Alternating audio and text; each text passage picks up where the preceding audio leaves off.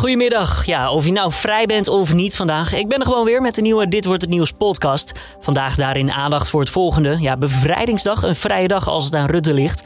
Trump keert niet terug op Facebook en Instagram. En het aantal coronagevallen is opnieuw afgenomen. Mijn naam is Julian Tom. Het is dus bevrijdingsdag woensdag 5 mei. En dit is de Nu.nl Dit Wordt Het Nieuws middagpodcast. Als het aan premier Rutte ligt, wordt 5 mei ieder jaar een vrijdag. Bevrijdingsdag is een officiële feestdag, maar de meeste bedrijven geven hun werknemers maar eens in de vijf jaar vrij.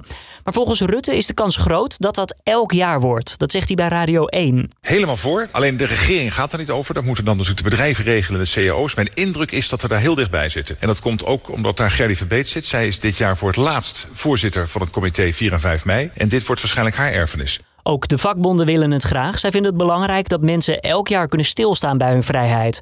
Overigens wel een leuk detail. RTL zocht het uit, maar sinds corona hangen meer mensen de vlag uit tijdens bevrijdingsdag. Het aantal nieuwe coronagevallen is opnieuw afgenomen in de afgelopen 24 uur. Er kwamen 7336 positieve testen bij en dat zijn er bijna 500 minder dan gisteren. Ook ten opzichte van precies een week geleden is er een enorme afname. Toen zaten we op 8600 nieuwe besmettingen. De misdaden die Duitsland heeft gepleegd tijdens de Tweede Wereldoorlog verjaren nooit en dienen als lessen voor de toekomst. Dat zei de Duitse bondskanselier Angela Merkel in haar 5 mei-lezing. Ook was ze dankbaar dat Nederland na de Tweede Wereldoorlog de hand uitreikte naar Duitsland voor verzoening. Wir Deutschen werden nie vergessen, dass die Niederlande uns nach dem Zweiten Weltkrieg und nach dem Zivilisationsbruch der Shoah die hand zur Versöhnung gereicht haben. Merkel noemt dat punt het begin van de Europese solidariteit. De Duitse bondskanselier had eigenlijk al vorig jaar willen praten, maar dat ging toen niet door vanwege de coronapandemie. En nu gaf ze haar lezing digitaal, omdat reizen nog steeds niet mogelijk was.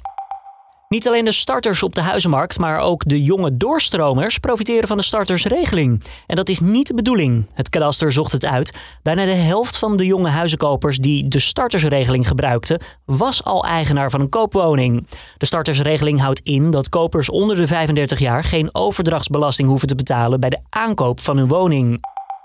De Amerikaanse oud-president Donald Trump mag niet terug op Facebook en Instagram. Beide platforms hadden Trump in januari geblokkeerd nadat zijn aanhangers het kapitool hadden bestormd. En dat was op zich terecht, bepaalde het Oversight Board woensdag.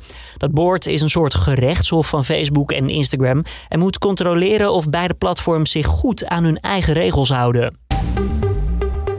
Dan nog het weer van Weerplaza. Ja, buiten slechts een graad of 10.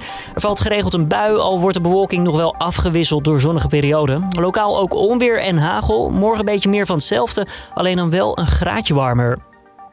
En een vrouw in Hillegom schrok zich kapot toen ze iets hoorde lopen in haar gang. Nou, wat bleek? Meerdere ratten waren ongevraagd binnengekomen. Ik keek, meid, ik schrok me rot. Liepen zo, echt waar, zo'n ding. Met een hele dikke lange staart. Liepen in mijn hal. En toen kwam er nog eentje. En toen kwam er nog eentje. En die gingen spelen in mijn hal. Ja, dat was te horen bij Omroep West. De vrouw noemt het een rattenplaag en ging daarom naar de gemeente. Maar omdat het om een koopappartement gaat, zou het haar eigen verantwoordelijkheid zijn. Ze heeft vervolgens een ongediertebestrijder ingeschakeld. Maar ja, of dat zal helpen is nog maar de vraag. De buren hebben namelijk ook last van ratten. En daarom zou het probleem groots aangepakt moeten worden. Dit was dan de Dit Wordt Het Nieuws middagpodcast van Bevrijdingsdag 5 mei. Tips of feedback? Laat het weten via podcast.nu.nl. Ik wens je voor nu een fijne middag. Mijn naam is Julian Dom. Tot morgen weer.